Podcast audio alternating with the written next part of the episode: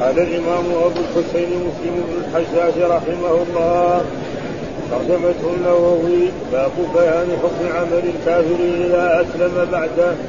قال حدثني حرملة بن يحيى قال أخبرنا ابن وهب قال أخبرني يونس عن ابن شهاب قال أخبرني عروة بن الزبير أن حكيم بن حزام أخبره أنه قال لرسول الله أنه قال لرسول الله صلى الله عليه وسلم أرأيت أمورا كنت أتحنث بها في الجاهلية هل لي فيها من شيء؟ فقال له رسول الله صلى الله فقال له رسول الله أسلمت على ما أسلفت من خير والتحنث التعبد. وحدثنا حسن الحلواني وعبد بن حميد قال الحلواني قال حدثنا وقال عبد حدثني يعقوب وهو وهو ابن إبراهيم بن سعد. قال حدثنا أبي عن صالح عن ابن شهاب قال أخبرني عروة بن الزبير أن حكيم بن حزام أخبره أنه قال لرسول الله صلى الله عليه وسلم أي رسول الله أرأيت أمورا كنت أتحنث بها في الجاهلية من صدقة أو عتاقه أو صلة رحم فيها أجر فقال رسول الله صلى الله عليه وسلم أسلمت على ما اسلفت من خير. قال حدثنا إسحاق بن إبراهيم وعبد بن حميد. قال أخبرنا عبد الرزاق. قال أخبرنا معمر عن الزهري بهذا الإسناد. حاء وحدثنا إسحاق بن إبراهيم. قال أخبرنا أبو معاوية. قال حدثنا هشام بن عروة عن أبيه عن حكيم بن حزام. قال قلت يا رسول الله أشياء كنت أفعلها في الجاهلية. قال هشام يعني اتضرر بها. فقال رسول الله صلى الله عليه وسلم اسلمت على ما اسلمت لك من الخير. قلت فوالله لا أدع شيئا صنعته في الجاهلية إلا فعلته في الإسلام. إلا فعلت في الإسلام مثله. قال حدثنا أبو بكر بن أبي شيبة. قال حدثنا عبد الله بن نمير. عن هشام بن عروة عن أبيه أن حكيم بن حزام اعتق في الجاهلية مئة رقبة وحمل على مئة بعير ثم اعتق في الإسلام مئة رقبة وحمل على مئة بعير. ثم اتى النبي صلى الله عليه وسلم فذكر نحو حديثه. قال حدثنا أبو بكر بن ابي شيبة قال حدثنا عبد الله بن إدريس وابو معاويه ووكيع عن الأعمش عن إبراهيم عن علقمة عن عبد الله قال لما نزلت الذين آمنوا ولم يلبسوا إيمانهم بظلم شق ذلك على أصحاب رسول الله صلى الله عليه وسلم وقالوا أينا لا يظلم نفسه فقال رسول الله صلى الله عليه وسلم ليس هو كما تظنون إنما هو كما قال لقمان لابنه. يا بني لا تشرك بالله إن الشرك لظلم عظيم. قال حدثنا إسحاق بن إبراهيم وعلي بن حصم قال أخبرنا عيسى وهو ابن يونس وحدثنا من بن الحارث التيمي قال اخبرنا التميمي قال أخبرنا ابن مسلم حاء وحدثنا أبو كريب قال ابن إدريس كلهم عن الأعمش بهذا الإسناد. قال أبو كريب قال ابن إدريس حدثني اولا ابي عن أبان بن ثعلب عن الأعمش ثم سمعته منه قال حدثني محمد بن منهال الضرير وأمية بن مسقام العيشي وله لأمية. قال حدثنا يزيد بن زريع. قال حدثنا روح وهو ابن القاسم عن العلاء عن أبيه. عن أبي هريرة قال لما نزلت على رسول الله صلى الله عليه وسلم لله ما في السماوات وما في الأرض وإن تبدوا ما في أنفسكم أو تخفوه يحاسبكم به الله فيغفر لمن يشاء ويعذب من يشاء. والله على كل شيء قدير. قال فاشتد ذلك على أصحاب رسول الله صلى الله عليه وسلم. فاتوا رسول الله صلى الله عليه وسلم ثم بركوا على الركب فقالوا أي رسول الله؟ كلفنا من الأعمال ما نطيق الصلاة ما من الأعمال ما نطيق الصلاة والصيام والجهاد والصدقة. وقد أنزلت عليك هذه الآية ولا نطيقها. قال رسول الله صلى الله عليه وسلم فتريدون أن تقولوا كما قال أهل الكتابين من قبلكم سمعنا وعصينا. يقولوا سمعنا وأطعنا غفرانك ربنا وإليك المصير. قالوا سمعنا وأطعنا غفرانك ربنا وإليك المصير. فلما اقترأها القوم ذلت بها ألسنتهم. فأنزل الله في إهلها آمن الرسول بما أنزل إليه من ربه والمؤمنون. كل آمن بالله وملائكته وكتبه ورسله لا نفرق بين أحد من رسله وقالوا سمعنا وأطعنا غفرانك ربنا وإليك المصير. فلما فعلوا ذلك نسخها الله تعالى فأنزل الله عز وجل لا يكلف الله نفسا إلا وسعها. لها ما كسبت وعليها ما اكتسبت. ربنا لا تؤاخنا إن نسينا أو أخطأنا. قال نعم. ربنا ولا تحمل علينا إصرا كما حملته على الذين من قبلنا. قال نعم. ربنا ولا تحملنا ما لا طاقة لنا به. قال نعم. واعف عنا واغفر لنا وارحمنا أنت مولانا فانصرنا على القوم الكافرين. قال نعم. أعوذ بالله من الشيطان الرجيم. بسم الله الرحمن الرحيم. الحمد لله رب العالمين والصلاة والسلام على سيدنا ونبينا محمد وعلى آله وصحبه وسلم أجمعين. قال الإمام الحافظ أبو الحسين مسلم بن الحجاج القشيري النيسابوري رحمه الله تعالى في هذه الترجمة. الترجمة التي ترجمها الإمام النووي باب بيان حكم عمل الكافر إذا أسلم بعده. باب في بيان حكم عمل الكافر. معلوم أن الكافر لا جزاء له في الآخرة. لأن الله يقول وقدمنا إلى ما عملوا من عمل فجعلناه هباء منثورا هذا في نص القرآن. وقدمنا إلى أي كافر يعمل أي عمل في هذه الدنيا من أعمال طيبة من صدقة أو إحسان إلى فقير أو مسكين أو حج أو غير ذلك لا لا ثواب له في الاخره إنما ثبت إنه إيه؟ قد يؤتى في الدنيا بأشياء دنيوية. فكان ماله عشرة صدق فربنا يزيد ماله. فهؤلاء بعض من المسلمين كانوا آه، بعضا من الناس كان كافرا ثم أسلم. وكان في كفره قد عمل أعمال صالحة تصدق وأحسن إلى فقير وإلى مسكين وعمل أعمال طيبة. فهل يجزى على هذه الأعمال اللي عملها وهذا معناه بين. وبين في هذا الحديث أن الرسول صلى الله عليه وسلم قال لحكيم الحزام أسلمت على ما أسلمت. ها؟ أسلمت على ما. يعني معناه يفهم من ذلك أن له أجر وله ثواب. ها؟ يفهم من ذلك وفسرها يعني النووي بتفاسير وأحسن تفسير هو أنه إذا أسلم الكافر نعم ومات على الإسلام يثاب على ما فعله من الخير في حال الكفر. هذا هو ها؟ هذا معنى يعني أحسن تفسير.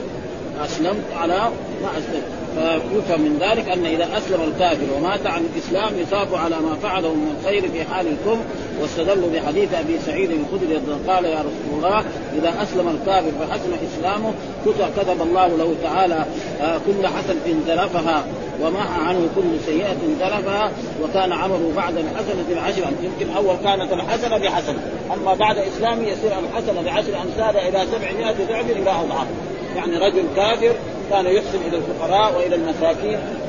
فهذا معناه يعني باب اذا عمل الكافر. هذا تقرير أحسن. إذا مات على الإسلام يثاب على ما فعله من الخير في حال الكفر واستدلوا بحديث أبي سعيد الخدري رضي الله تعالى عنه قال قال رسول الله إذا أسلم الكافر وحسن اسلامه كتب الله له تعالى بكل حسنة تلفها ومحى عنه كل سيئة تلفها وكان عمله بعد بعد الحسنة بعشر امثالها إلى سبعمائة ضعف والسيئة بمثلها إلا أن يتجاوز الله سبحانه وتعالى. وهذا حديث. ها فهذا تقريب باب حكم عمل الكافر إذا أسلم. ها بعده. إيش هو الجواب؟ أن جميع ما عمل من أعمال الخير ومن الإحسان فله اجره واما إذا كان عمل الكافر ولم يسلم فلا جزاء له يوم القيامة. أما في الدنيا يمكن يجزى. يمكن في الدنيا يجزى. كان كان فقير كان يعطي عن الفقراء والمساكين.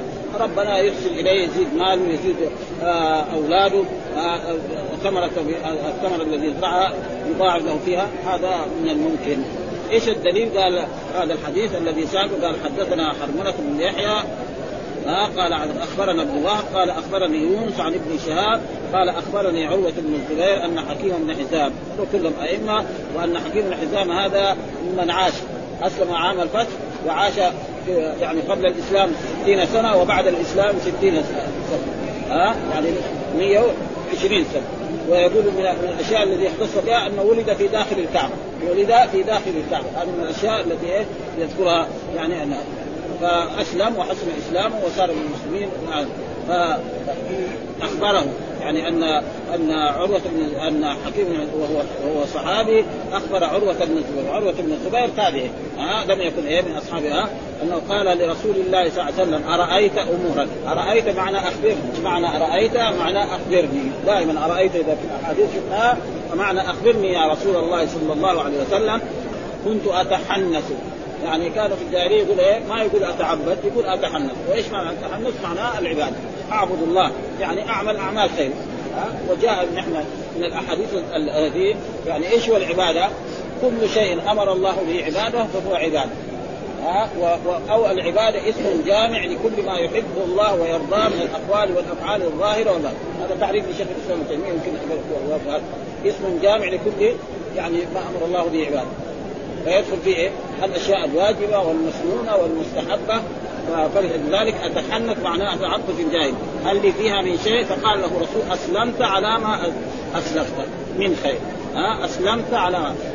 فما عمله في الإسلام الحسنة بعشر أمثالها إلى 700 ضعف إلى أضعاف كثيرة. والسيئة بسيئة واحدة إلا أن يعفو وأما ما فعله قبل ذلك في الجاهلية وأسلم فيكون الحسنة بحسن هذا يعني الذي يفهم من إيه؟ من قالوا إيش معنى والتحنث إيش معنى؟ التعنت ها؟ التحنث. زي ما جاء في الأحاديث في, في, في السيرة النبوية أن الرسول كان يتحنث الليالي في غار حراء ثم بعد ذلك يرجع إلى إلى خديجة وتعطيه زاد فيعود إلى غار حراء ويعبد الله. هذا معنى التحنث. تحنث وتعبد ألفاظ مختلفة ولكن المعنى واحد. إنما الإسلام يعبر بايه بالعباده ولذلك القرآن ما في تحنث. أو تعنتا ارجلا ها كلها واعبدوا الله ولا تشركوا به شيئا. ما في القرآن عنه وهذا كان يعني آه يعني النصارى واليهود هم الذين كانوا يقولون هذا. وثم ذكر الحديث الثاني قال حدثنا آه آه قال حدثنا حسن الحلواني وعبد بن حميد وقال الحلواني حدثنا وقال عبد آه عبد حدثني يعقوب وهو ابن إبراهيم بن سعد حدثنا الأري عن صالح عن ابن شهاب قال أخبرني عروة بن الزبير أن حكيم بن حزام أخبره أنه قال لرسول الله أي رسول الله أي هنا حرف نداء أي بمعنى يا وحروف النداء خمسة. يا وأيا وأي وأيا والحمزة. فأي رسول الله؟ محمد كل بمعنى واحد. عبد الله. هذه حروف النداء هنا أي بمعنى يا. يا رسول الله أي رسول الله يعني يا رسول الله أرأيت أمورا؟ يعني أخبرني أمورا كنت أتحنث بها في الجاهلية. ها أتعبد بها يعني أريد الأجر والثواب من الرب من صدقة. اعتق عبدا وقد ثبت أنه يعني عتق 100 رقبة في الجاهليه وعتق 100 رقبة في الإسلام وحمل على 100 بعير في الجاهلية وحمل على 100 بعير في الإسلام. ها وكان الناس يعني فيهم إيه؟ كرم بالجاهلية من صدقة أو عتاقة أو صلة رحم. يعني يصل رحم أقاربه وابن عمه وخالاته وغير ذلك. فقال رسول الله صلى الله عليه وسلم أسلمت على ما أسلم وهنا ذكر الإمام النووي أشياء نقرأها لنستفيد منها. قال في حديث حكيم بن حزام رضي الله تعالى عنه أنه قال لرسول الله صلى الله عليه وسلم أرأيت أمورا كنت اتحنث بها في الجاهلية هل لي فيها من شيء؟ فقال له رسول الله صلى الله عليه وسلم أسلمت على ما أسلمت. من خير. أما التحنث فهو التعبد كما فسره في الحديث وفسره في الرواية الأخرى ها بالتبرر. التبرر يعني فعل البر ها ليس البر أن تولوا وجوهكم. إن الأبرار لفي نعيم ها معناه فعل البر وهو الطاعة. قال أهل اللغة أصل التحنث أن يفعل فعلا يخرج به من الحنث وهو الإثم. وكذلك تأثم وتحرج وتهجد أي فعل فعلا يخرج به عن الإثم. والحرج والأجور. فكل تعبد ومن الحنث أو تأثم كل بمعنى أو التبرر قال وفي الرواية الأخرى بالتبرر. التبرر يعني من إيه؟ من فعل البر. وان الأبرار لفي نعيم ليس البر أن تولوا وجوهكم معناه يعني فعل فالايه ليس البر كل الأشياء اللي ذكرت في ليس البر أن تولوا من إيه من طاعة الله. ولذلك ذكر ليس البر أن تولوا وجوهكم للمشرق والمغرب ولكن البر إيه؟ من آمن بالله واليوم الآخر والملائكة والكتاب والنبيين واتى المال على حبه ذوي القربى واليتامى إلى آخر الآيات.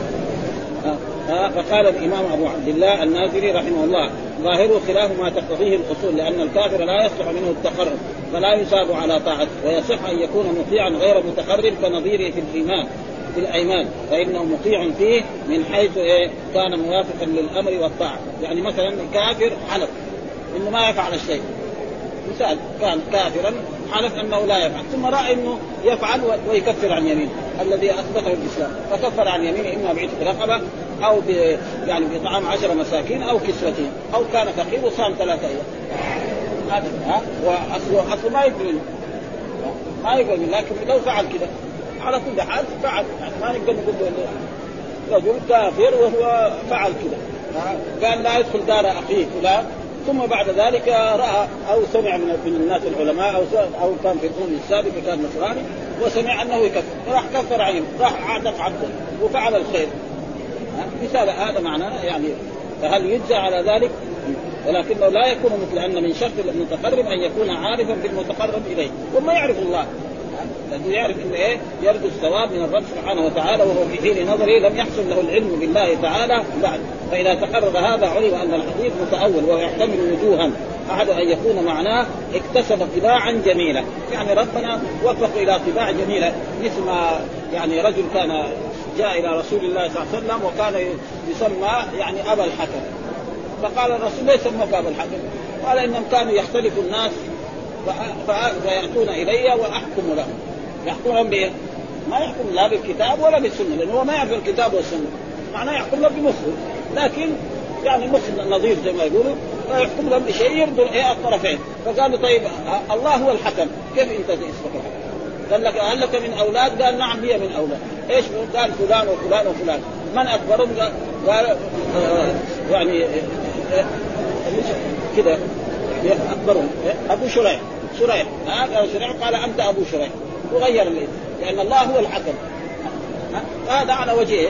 الندب والاستحباب يعني ما هو على واي واحد تسمى بأسماء مثل ذلك يعني ما فيها شيء. كما مره قلنا الله سمى نفسه سميع وبصير ووصف نفسه بالسمع والبصر ووصف المخلوق بالعزيز ووصف نفسه بالعزيز ووصف ربه بالرأفة ووصف المخلوق بالرأفة. فهذا معناه يعني ها؟ أن يكون معناه اكتسبت طباعا جميلة. يعني هذه طباع جميلة وأنت تنتفع ها تنتفع بتلك إيه؟ الطباع في الإسلام ها لأنه كانت طباعه في الإيه؟ كانت طباعه طيبة في, في الكفر. إذا جاء الإسلام يزيد هذا ما يصير إيه؟ يرجع إلى كان كريما في في الجاهلية. لما يصير يسلم يصير يصير بخيل. بالغالب بالمية 99 أو 100% يصير ذا. كان مثلا عنده عنده لطف وعنده عطف على الفقراء وعلى المساكين وعلى الحيوانات. كان في الكفر كذا لما يسلم تزيد هذه الأخلاق. فهذا معناه يعني فسره يعني بعض العلماء بهذا. أسلمت على ما أسلمت يعني أن هذه طباع جميلة فيك ويرجو أن تكون هذه الثاني معناه اكتسبت بذلك ثناء جميلا. الناس يثنوا عليك وهو باق عليك في الإسلام. ها يبقى عليك. والثالث أنه لا يبعد أن يزاد في حسناته التي يفعلها في الإسلام. وهنا في الإسلام معلوم أن الحسن بعشر امثالها إلى سبع ويكثر أجره لما تقدم له من الأفعال الجليلة. وقد قالوا في الكافر إذا كان يفعل الخير فإنه يخفف عنه به. فلا يبعد أن يزاد هذا في الاجور هذا كلام آخر كلام النازل. يعني وقال القاضي عياض وقيل معناه ببركة ما سبق لك من الخير هداك الله تعالى للإسلام. ها ما انت كنت تحسن الفقراء والمساكين في الجاهلية وتفعل أعمال الخير وتتحنث ها فإن الله بسبب هداك إلى الإسلام. عمل خير عمل في في عباد الله خيرا فربنا يوفقه إلى الإسلام. وأن من ظهر منه خير في أول أمره فهو دليل على سعادة آخره وحسن عقل هذا كلام القاضي وظهره ابن بطال وغيره من المحققين إلى أن الحديث هو على ظاهره وأنه إذا أسلم الكافر ومات على الإسلام يثاب على ما فعله من الخير وهذا هو الصحيح.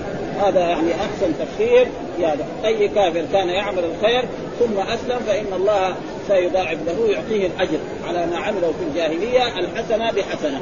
وإذا أسلم وعمل أعمال خيرية فالحسنة بعشر امثالها إلى 700 ضعف إلى أضعاف كثيرة. والدليل على ذلك ما استدل بحديث أبي سعيد الخدري قال قال رسول الله إذا أسلم الكافر فحسن اسلامه كتب الله تعالى له بكل حسنة زلفها يعني فعلها ومحى عنه كل سيئة زلفها وكان عمله بعد الحسنة بعشر امثالها إلى 700 ضعف والسيئة بمثلها إلا يتجاوز الله سبحانه وتعالى.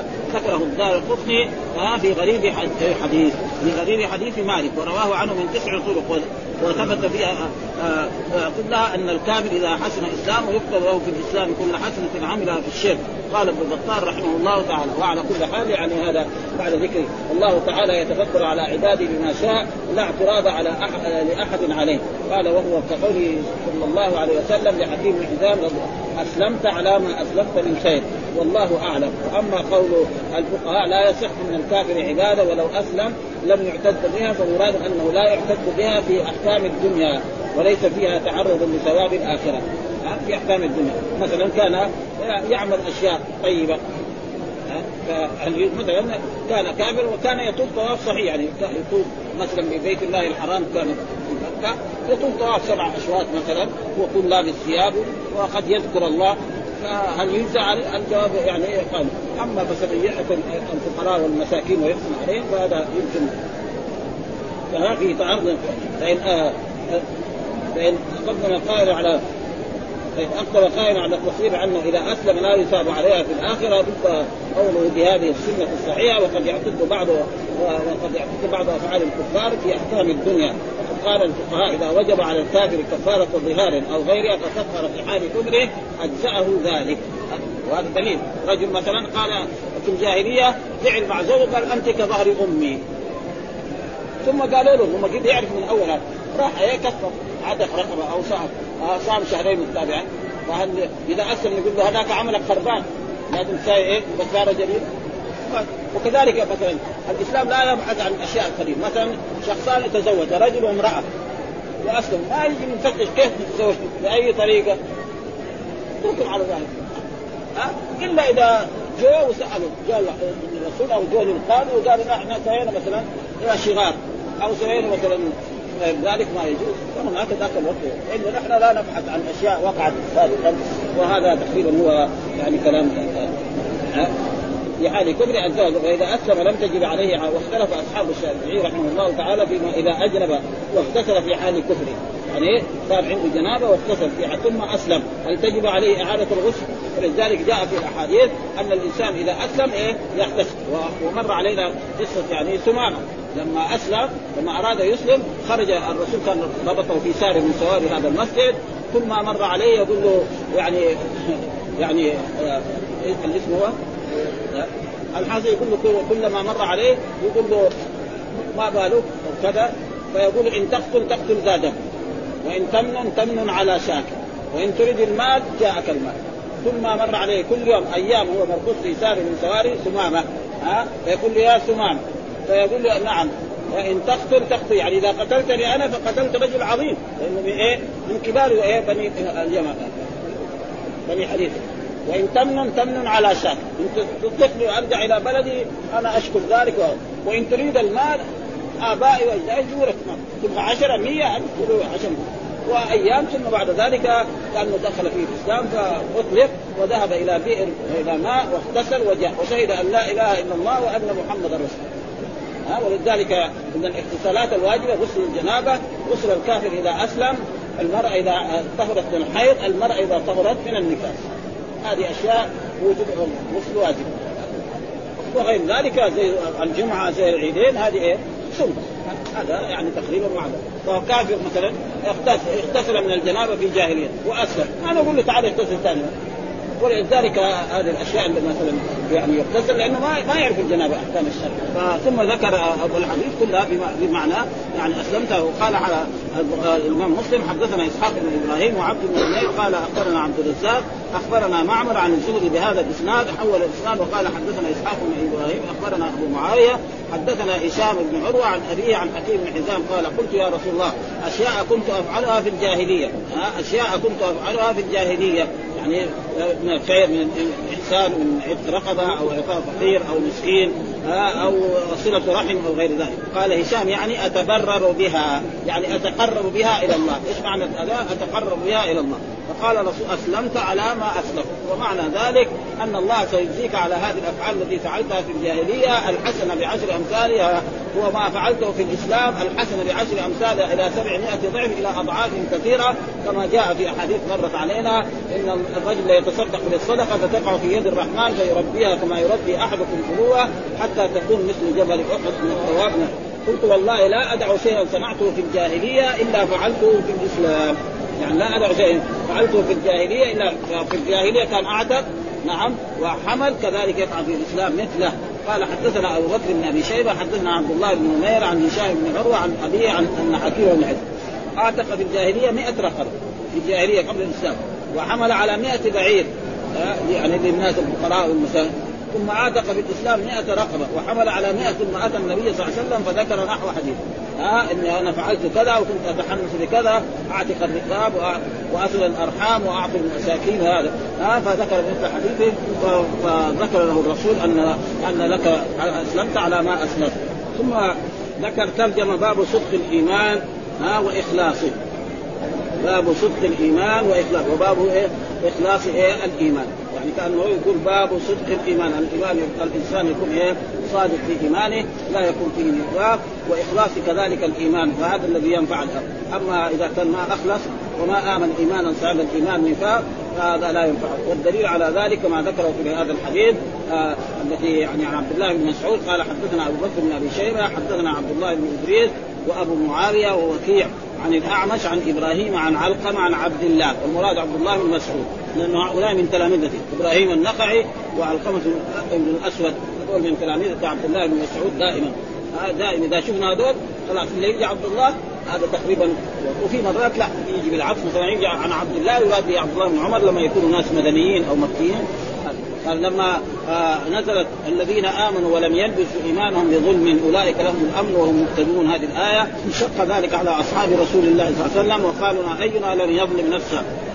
فقال رسول الله صلى الله عليه وسلم ليس هو كما تظنون إنما هو كما قال لقمان لابنه يا بني لا بني لا تشرك بالله إن الشرك لظلم عظيم. وفي هذا الحديث يعني لما أنزل الله تعالى الذين آمنوا ولم يلبسوا إيمانهم بظلم أولئك لهم الأمن وهم مهتدون. هذه آية من سوره الأنعام والآية قال الذين آمنوا ولم يلبسوا إيمانهم يعني لم يخلطوا إيمانهم بظلم. فهموا هم الظلم إيه؟ الأصغر. يعني ظلم إيه؟ معصية.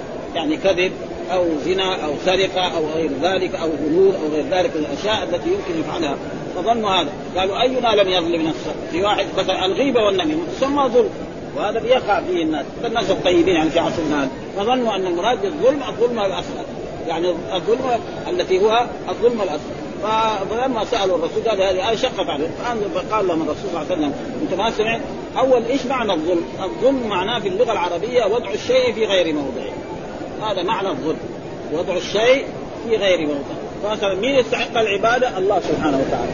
ها؟ فإذا عبد غير الله فقد إيه؟ ظلم نفسه. هذا معنى الظلم يعني إيه؟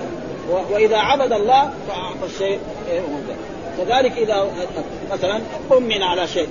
فخاف فقد وضع الشيء إلى غير ذلك. هذا معنى الظلم والظلم ينقسم إلى قسمين كما قلنا غير ما مر أن ظلم أكبر يخرج من الملة وهذا دليل.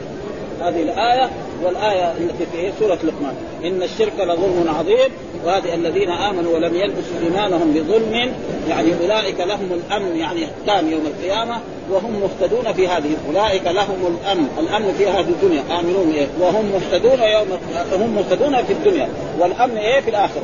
أولئك لهم الأمن الأمن إيه يوم القيامة. وهم مهتدون في هذه يسموا إيه؟ الذين هداهم الله وأرشدهم إلى فعل الخير والعمل الصالح. يعني امنون في إيه؟ في يوم القيامة، فقال لهم الرسول: أما سمعت قول العبد الصالح يا بني لا تشرك بالله إن الشرك لظلم عظيم، هذا المراد به الشرك الأكبر. هاتين وهناك يجي مرات الظلم الظلم الأصغر. فين؟ القرآن. ثم أورثنا الكتاب الذين اصطفينا من عبادنا فمنهم ظالم لنفسه. يعني أورثنا الكتاب يعني على المؤمنين. مين اللي ورثوا الكتاب؟ القرآن؟ المؤمنون. فمنهم ظالم ومنهم مقتصد ومنهم سابق في الخير. فالظالم نفسه هذا فيه خطورة. ها إذا مات وهو مصر على هذه الذنوب تحت مشيئته إن شاء عذبه وإن شاء إيه؟ غفر له. ها؟ أو شفع به نبينا محمد صلى الله عليه وسلم أو غيره. وأما أما المقتصد والسابق بالخيرات هذا ما يجوز السابق بالخيرات هذا مرة. وكذلك المختار الذي حسناته. فإذا أي النفس يعني سيئاته أكثر من حسناته. هذا. فإذا الظلم ظلمان وكما أنه يعني الإمام البخاري يعني تبويبه غير هذا. هناك يقول باب شرك دون شرك باب ظلم دون ظلم ويذكر هذه الأحاديث وهذه الأحاديث التي ذكرها يعني تبويب غير تبويب إيه؟ الإمام النووي. والظاهر أن النووي يعني الإمام مسلم كان يبغى يضع تراجم أو ما وضع أو إيش كان لا يعني تقريبا يعني ولكن هو الف كتاب للعلماء. الفوا للناس العاديين عارفين. يعني لما يقرأ طالب العلم العالم أو طالب العلم عارف لما يشوف حديث آه هذا الحديث يخالف عرف من الترجمه إنه تغير الوضع وهذا شيء وهذا كتاب للعلماء. ما هو كتبه للعوام أو للناس العاديين. لا فلذلك لا حق ترجمه ولا شيء. هذا الاحاديث كذا خلاص ورا بعض. ولا فجاء النووي وجعل هذه التراجم باب صدق الإيمان وإخلاصه. ها؟ قال قالوا اينا لم يظلم قال رسول الله آه ليس هو كما تظن إنما هو كما قال لفلان يا بني لا إن الشرك لظلم عظيم. لظلم إن الشرك إيه؟ الذي هو عبادة غير الله معه وأن تجعل الله ندا وقد سئل الرسول أي الذنب أعظم؟ قال أن تجعل الله ندا وهو خلق. ها وأن تزال حليلة جائز وهنا ذكر نفس هذا هذا قال لما نزلت الذين آمنوا ولم يلبسوا إيمانا بظلم شق ذلك على أصحاب رسول الله صلى الله عليه وسلم وقالوا أينا لا يظلم نفسه أو أينا لم يظلم نفسه فقال رسول الله ليس هو كما تظنون إنما هو كما قال لقمان لابنه يا بني لا تشرك بالله إن الشرك وهكذا وقع الحديث في صحيح مسلم ووقع في صحيح البخاري ولما نزلت الآية قال أصحاب رسول اينا لم يظلم نفسه؟ فأنزل الله تعالى إن الشرك لظلم عظيم فهاتان الروايتان أحدهما تبين الآخر فيكون لما شق عليهم أنزل الله تعالى إن الشرك لظلم عظيم وأعلم النبي صلى الله عليه وسلم أن الظلم المطلق هناك هناك المراد به هو المقيد وهو الشرك الأكبر. ومعلوم أن كثير يعني تيجي مرات آيات يعني ما يعني ما هي مقيدة ويجي إيه إذا هنا الشرك إيه اننا بنقول الظلم الظلم الأكبر. فأننا هنا في هذه الحالات نقول الظلم الأكبر والشرك الأكبر. خلاص. وفي مرات يجي الشرك إيه وهذا موجود في القرآن مثلا يجي آه، عتق رقبة. في بعض الآيات عتق رقبة المؤمن وفي بعض الآيات عتق رقبة. يجي إيش جاء العلماء؟ ها؟ فجاء العلماء مثلا آه فكفارته إطعام عشرة مساكين اوسط ما تطعمون اهليكم أو كسوتهم أو تحرير رقبة. هنا ما في وهناك في كفارة آه، في كفارة الخطأ ذكر إيه؟ رقبة. ما كان يقتل المؤمن إلا خطأ. ومن قتل مؤمنا خطأ فتحرير رقبة إيه؟ مؤمن. وهناك في الظهار كمان ما كتب. فإذا لازم الرقبة تكون إيه؟ مؤمنة. يعني وهو قول يعني يعني جماهير العلماء وهو مذهب أظن الأئمة الثلاث الذي هو الإمام مالك والإمام الشافعي والإمام أحمد. الامام أبو حنيفة يقول لا ولو كان كان القرآن قال واحد مثلا يعني يعني يعمل خطأ يقتل الانسان خطأ فهو عتق كافر أما إذا كان الأب مؤمن خلاص الصغير تابع؟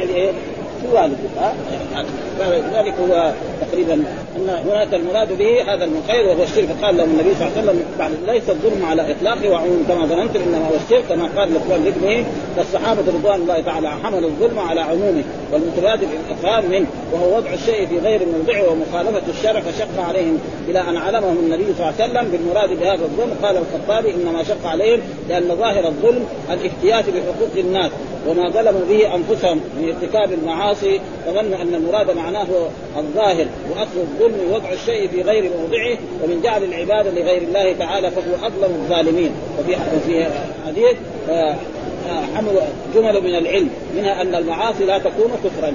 المعاصي لا تكون كفرا. والله أعلم. أما ما يتعلق بالاسناد فقول مسلم حدثنا أبو بكر بن أبي شيبة حدثنا عبد الله بن إدريس وأبو معاويه ووكيع والأعمش عن إبراهيم عن علقمة. كل هذا تقريبا إسناد رجاله كلهم كوفيون وحفاظ متقنون في نهاية الجلالة وفيهم ثلاثة أئمة أجلة فقهاء تابعون وبعضهم عن بعض سليمان الأعمش وإبراهيم النخعي وعلقمة بن قيس وقل اجتماع مثل هذا الذي اجتمع في هذا الإسناد والله تعالى. وفيه علي بن خشرم بفتح الخاء واسكان الشين المعجمة وفتح الراء وقد تقدم بيانه في المقدمة وفيه منجاب منجاب بكسر الميم واسكان النون والجيم آخره. وقال ابن إدريس حدثنيه أولا أبي عن أبان تغلب عن الأعمش.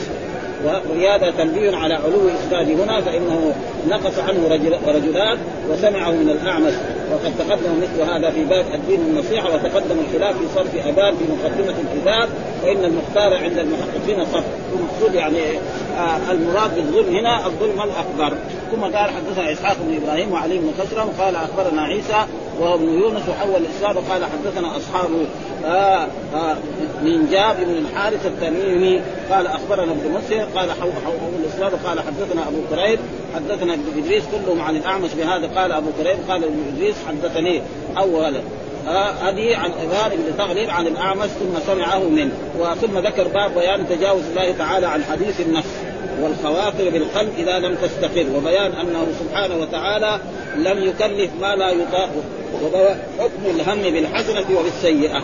يعني في هذه الترجمة أتى بأحاديث بيان أن الله تجاوز الله تعالى عن حديث النفس. رجل حدث في نفسه انه أنه يسرق أنه يقتل فلانا. أو أنه يزني أو يرتكب فاحشه أو يسرق أو يفعل فربنا ما يعاقب حتى يأخذ بالأسباب. يفعل أو يتكلم. ها ولذلك من هم بسيئة فلم يعملها كتب الله عنده إيه؟ حسنة. كاملة فلذلك باب يتجاوز الله عن حديث النفس الأشياء التي في النفس وجاء في حديث إن الله تجاوز عن امتي الخطأ والنسيان وما استدره وكذلك في حديث آخر إن الله تجاوز عن امتي ما حدثت بها نفسها. بهذا اللفظ ما حدثت بها نفسها ما لم تتكلم أو تعمل.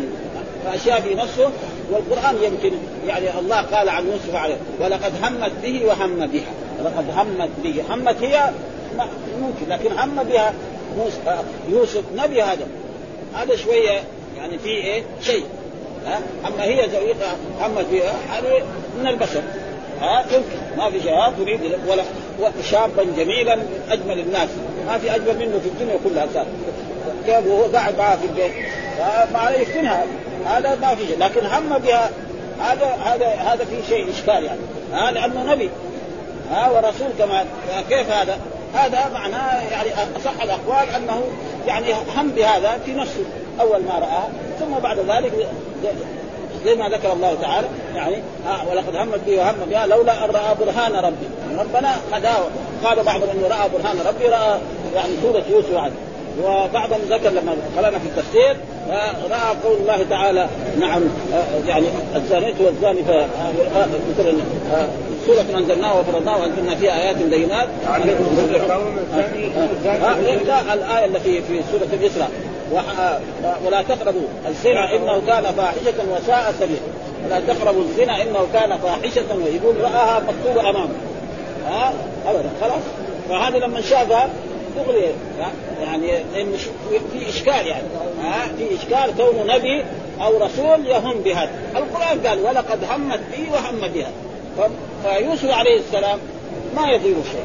ها؟ ابدا. ها؟ ما يضير هذا. ها؟ يعني حصل في شيء في نفسه ثم ربنا هداه وأبعد هذه الأشياء عنه فلا وهذا معناه يعني إيه؟ إن الله جاء حديث الناس والخواطر بالقلب.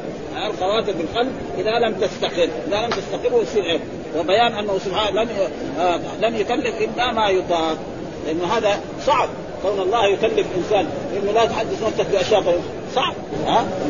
الإنسان يدخل في الصلاة يجي له وسواس ويجي مرات يعني في أشياء من الإيمان. مثلا يجي الشيطان هو بيصلي ولا قاعد في البيت. طيب انت أنت مثلا يعني خلقك الله وخلق اباك وخلق أمك كذا بعدين يجي الشيطان يقول طيب الله الله مين خلق إيش تسوي؟ هذه هذه مو زي هذه مشكلة يعني زي هذه. تجي في نفسه كذا في نفسه. فربنا يبغى يعاقبه عليه ما يعاقب عليه. في نفسه من خلق الله؟ لا إذا يجي يرجع للأحاديث وهذا يرجع أن تفكروا في إيه؟ نعم في مخلوقات الله. تعرف كيف؟ شوف السماء وشوف الأرض. ما تفكر في من خلق الله بعدين ما تروح. تروح وتيجي ما تجي ابدا. ولا تحصل فائدة ولا شيء بل يروح إلى الكفر. لذلك هذا ها؟ وبيان حكم الهم بالحسنة والسيئة. وشو إيش بعد ذلك يعني يذكر آه الإمام النووي في هذا. ما بيان حكم الهم بالحسنه الهم بالحسنة هذا نص القرآن. ومن هم بحسنه نعم كتب الله إيه كامله كاملة. وأما إذا هم بالسيئة فلم يعملها كتبها الله عنده حسن وإذا هم بها فعملها كتبها الله سيئة واحدة هذا طيب إيش الدليل؟ الدليل هذه لما أنزل الله تعالى آخر سورة البقرة شق على يعني إن تبدوا خيرا أو تخفوه يعني إن تبدوا في أنفسكم ان تخفوه يحاسبكم به الله فيغفر لمن يشاء ويعد من يشاء والله على فاشتد عليهم وجاءوا إلى وهذا هو الحديث. قال قال الإمام مسلم حدثنا محمد بن منهاد الضرير وأمية بن بستان العيشي واللفظ له لأمية قال حدثنا يزيد بن زريع. قال حدثنا روح بن القاسم عن العلاء عن آه عن أبي عن أبي هريرة قال لما نزلت على رسول الله صلى الله عليه وسلم لله ما في السماوات وما في الأرض وإن تبدوا ما في أنفسكم أو تخفوه يحاسبكم به الله. وهذا المحل إن تبدوا ما في أنفسكم أو تخفوه يحاسبكم حتى تخفوه يحاسبكم به الله. يعني حدث نفسه بشيء يبغى يزني يبغى يسرق يبغى يشرب الخمر يبغى يرتكب معصية من المعاصي. ربنا يبغى يحاسب ويشق مشقة.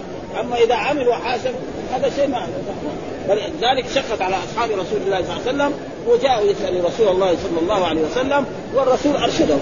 قال لهم قولوا سمعنا وأطعنا. لا تقولوا زي أهل الكتاب سمعنا وعصينا الله قال هنا قولوا مرحبا على العين والرأس. خلاص. فإذا فعلتم ذلك فإن الله سيزيل هذا عنكم وبالفعل أصحاب رسول الله صلى الله عليه وسلم فعلوا ذلك فازال الله تعالى عنهم ما لله ما في السماوات وان تبدوا ما في أنفسكم. وتخفوه يحاسبكم بالله فيغفر لمن يشاء ويعذب من يشاء والله أعلم. قال فاشتد ذلك على أصحاب رسول الله فاتوا رسول الله صلى الله عليه وسلم ثم بركوا على الركب. يعني بركوا على الركب فقال أي رسول الله؟ بمعنى يا رسول الله. برضو أي هنا حرف نداء ها؟ كلفنا من الأعمال ما نطيق الله كلفنا نصلي الصلوات الخمس والنوافل ونصوم رمضان والجهاد والصدقة وقد أنزلت عليك هذه الآية ولا نطيقها. هذه آية كون الله يحاسبنا على ما في قلوبنا. هذا شيء صعب. نحن قد في قلوبنا يكون أشياء ما هي طيبة. ها نضمرها في قلوبنا فربنا يبغى يحاسبنا عليها. فقال له الرسول صلى الله عليه وسلم أتريدون أن تقولوا كما قال أهل الكتابين من قبلكم سمعنا وعصينا؟ موجود في القرآن في سورة البقرة عن أهل الكتاب يقولوا سمعنا وعصينا. فانتم لا تقولوا مثلهم أبدا سمعنا. قولوا سمعنا وأطعنا غفرانك ربنا وإليك المصير. مع إنه الآية ذاك الوقت ما نسى ها سمعنا وأطعنا غفرانك ربنا وإليك قالوا سمعنا وأطعنا غفرانك ربنا وإليك المصير. حسب ما امره رسول الله صلى الله عليه وسلم. بعد ذلك أنزل الله تعالى لا يكلف الله نفسا إلا وسعها. فأزال هذا المشقة عنهم. ها فلما ها فلما اقترأها القوم يعني قرأوها ذلت بها ألسنتهم فأنزل الله في أثرها آمن الرسول بما أنزل إليه من ربه والمؤمنون كل آمن بالله وملائكته وكتبه ورسله لا نفرق بين أحد من رسله وقالوا سمعنا وأطعنا غفرانك ربنا وإليك المصير فلما فعلوا ذلك نسخها الله تعالى فأنزل الله عز وجل لا يكلف الله نفسا إلا وسعها. هذه الآية إيه؟ يعني تقرأ في القرآن والنسخ يأتي على أحوال. في آيات نسخ لفظها ومعناه في آيات نسخ لفظها وبقي تقرأ في القرآن. ها؟ والنسخ القرآن قال ما ننسخ من آية أو ننسها نأتي بخير منها أو مثلها. ها؟ وهذه الحين نسخ لفظة. واحد كمان يقول قال نسخة نشيلها من النسخة. ما يصح هذا. إذا المنسوخة نقول لا ما نكتبها. فهذا ما يصح ها؟ فالآيات المنسوخة كثير. آيات منسوخة إيه؟ الحكم. زي الآيات مثلا. ما عليك إلا البلاغ المبين. الحين ما عليك إيه؟ إذا ما يؤمنوا ويتبعوا الإسلام أو يؤدوا الجزية نقاتلهم. قاتلوا المشركين كافة. حيث الخير الحسن بعشر أمثالها والش... والمعصية سيئة بسيئة واحدة ربنا لا تؤاخذنا إن نسينا أو أخطأ قال قد فعلت. هناك في الحديث الأول نعم وهنا إيه؟ قد فعلت. مين اللي يقول فعلت؟ الضمير عائد على الرب سبحانه وتعالى. آه قد قال ولا تحمل علينا إصرا كما حملته على الذين من قبلنا. فإن الامه السابقه تعلم آثار. قال قد فعلت. واغفر لنا وارحمنا أنت مولانا. قال قد فعلت. والأحاديث كلها بهذا المعنى. يعني نقرأها قال حدثنا سعيد بن منصور وقتيبة بن سعيد ومحمد بن عبيد الغبري واللفظ لسعيد. قال حدثنا أبو عوان عن قتادة عن زرارة بن أبي اوفى عن أبي هريرة. قال رسول الله إن الله تجاوز لي عن أمتي ما حدثت بها أنفسها. ما حدث بها أنفسها ما لم تتكلم. أنفسها ما لم يتكلموا أو يعملوا. كل شيء في النفس ما نطق به ربنا لا يعلم. مع أن الله مطلع عليه. زي ما قال يعلم السر ما لم يتكلم. فإذا تكلم أو عمل أخذ بالأسباب. أراد يسرق وراح وجد الباب مغلق. ها؟ أراد يعني ما وجد طريق. فعلى كل حال يكتب عليه شيء من إيه؟ من هذا لكن ما يكتب عليه. كما جاء في قال العين تزني. نعم والرجل تزني. ويصدق ذلك إيه؟ القلب فإذا هذا يصير الزنا الكذب واذا هذا يكون إيه؟ فيه شيء من المعاصي. قال حدثنا عمرو بن ناقد وزهير بن حرب. قال حدثنا إسماعيل بن إبراهيم أول. قال حدثنا ابو بن أبي شيبة. حدثنا علي بن مسهر وعبده بن سليمان. وحدثنا ابن المثنى وابن بشار. قال حدثنا ابن أبي عدي كلهم عن سعيد بن أبي عروبة عن قتادة عن زرارة عن أبي هريرة. قال قال إن الله عز وجل تجاوز لامتي عما حدثت بها نفسها ما لم تعمل أو تكلم. به وحدثني زهير بن حرب. حدثنا وكيع. حدثنا مسعد وهشام. وحدثنا إسحاق بن منصور. قال أخبرنا الحسين بن علي عن زائد عن شيبان جميعا عن قتادة بهذا الإسناد مثله. وحدثنا أبو بكر بن أبي شيبة وزهير بن حرب وإسحاق بن إبراهيم واللفظ لأبي بكر. قال إسحاق قال أخبرنا سفيان وقال الآخرون حدثنا ابن عيينة عن أبي الزناد عن الأعرج عن أبي هريرة قال قال رسول قال الله عز وجل إذا هم عبدي بسيئه فلا تكتبوها عليه. إذا هم سيئه فلا تكتبوها عليه. فإن عملها فاكتبوها سيئة. وإذا هم بحسنة فلم يعملها فاكتبوها حسنة. فإن عملها فاكتبوها عشرا. من عشرة. وجاء في أحاديث إلى حدثنا يحيى كذلك. نعم. آه ابن أيوب وقتيبة بن حجر قال وحدثنا إسماعيل وابن جعفر عن العلاء عن ابي عن أبي هريرة عن رسوله قال قال الله عز وجل إذا هم عبدي بحسنة ولم يعملها كتبتها له حسنة. فان عملها كتبتها عشر, عشر حسنات إلى سبعمائة ضعف. وإذا هم بسيئة ولم يعملها لم أكتبها عليه. وهذا يطابق إيه؟ الآية. لا يكلف الله نفسا. فإن عملها كتبتها سيئة واحدة حدثنا هو الذي يكتبها مين؟ الملأ. الملأ. والله مطلع على ذلك. حدثنا محمد بن رافع حدثنا عبد الرزاق قال أخبرنا معمر عن همام بن منبه قال هذا ما حدثنا أبو هريرة عن محمد رسول الله صلى الله عليه وسلم. قال قال رسول الله صلى الله عليه وسلم آه قال الله عز وجل. هنا رواه دحين إيه؟ الحديث. ها آه إذا تحدث عبدي بأن يعمل حسنة فانا اكتبها له حسنة. ما لم يعمل. فإذا عملها فأنا أكتبها بعشر أمثالها وإذا تحدث بأن يعمل سيئة فأنا أغفر لها. ما لم يعملها في نفسه زي إيه؟ ولقد همت به وهم بها. ها فأنا أكتبها له بمثلها وقال رسول قالت الملائكة ربي ذاك عبدك يريد أن يعمل سيئة وهو أبصر أبصر به. فقال ارق يعني الرب مطلع أرقبوه فإن عملها فاكتبوها له بمثلها. وإن تركها فاكتبوها له حسنه إنما تركها من من أجل من جراء من جراء فقال رسول الله إذا أحسن أحدكم الإسلام فكل حسنه يعملها تكتب بعشر أمثالها إلى سبعمائة ضعف وكل سيئة يعملها تكتب بمثلها حتى يلقى الله. كذا وبعدين نغلق الأحاديث. هي كلها بمعنى واحد. الحمد لله رب العالمين وصلى الله وسلم على نبينا محمد وعلى آله وصحبه وسلم.